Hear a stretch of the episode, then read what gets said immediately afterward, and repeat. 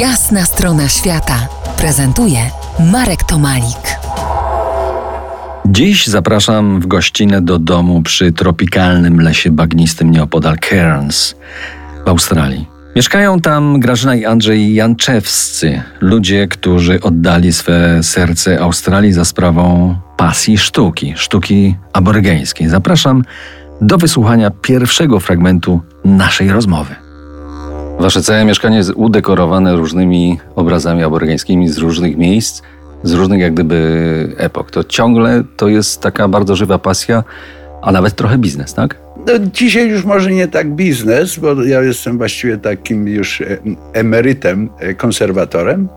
No i po prostu e, troszeczkę jeszcze pracuję, ale był to biznes.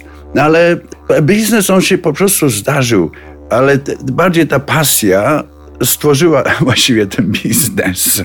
A powiedzcie, jak wam się wydaje w XXI wieku, gdzie wszyscy ludzie są jakoś bardzo mocno pogubieni, co może nam dać y, ta sztuka aborygeńska? Czy w ogóle człowiek z cywilizacji zachodniej jest w stanie zrozumieć, coś z tego złapać?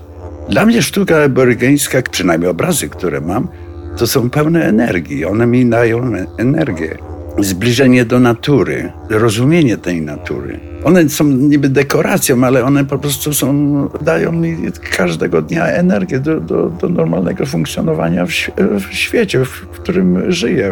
Gdzie jest, wiadomo, aborygeni przekazywali swoje mądrości czy wierzenia przez e, rysunek na piasku czy rysunek na skale, bo im prawdopodobnie dawało to samo energię. I pojęcie o życiu. Grażyna, a ty wyczuwasz y, tę energię w swoim mieszkaniu poprzez ilość tych obrazów?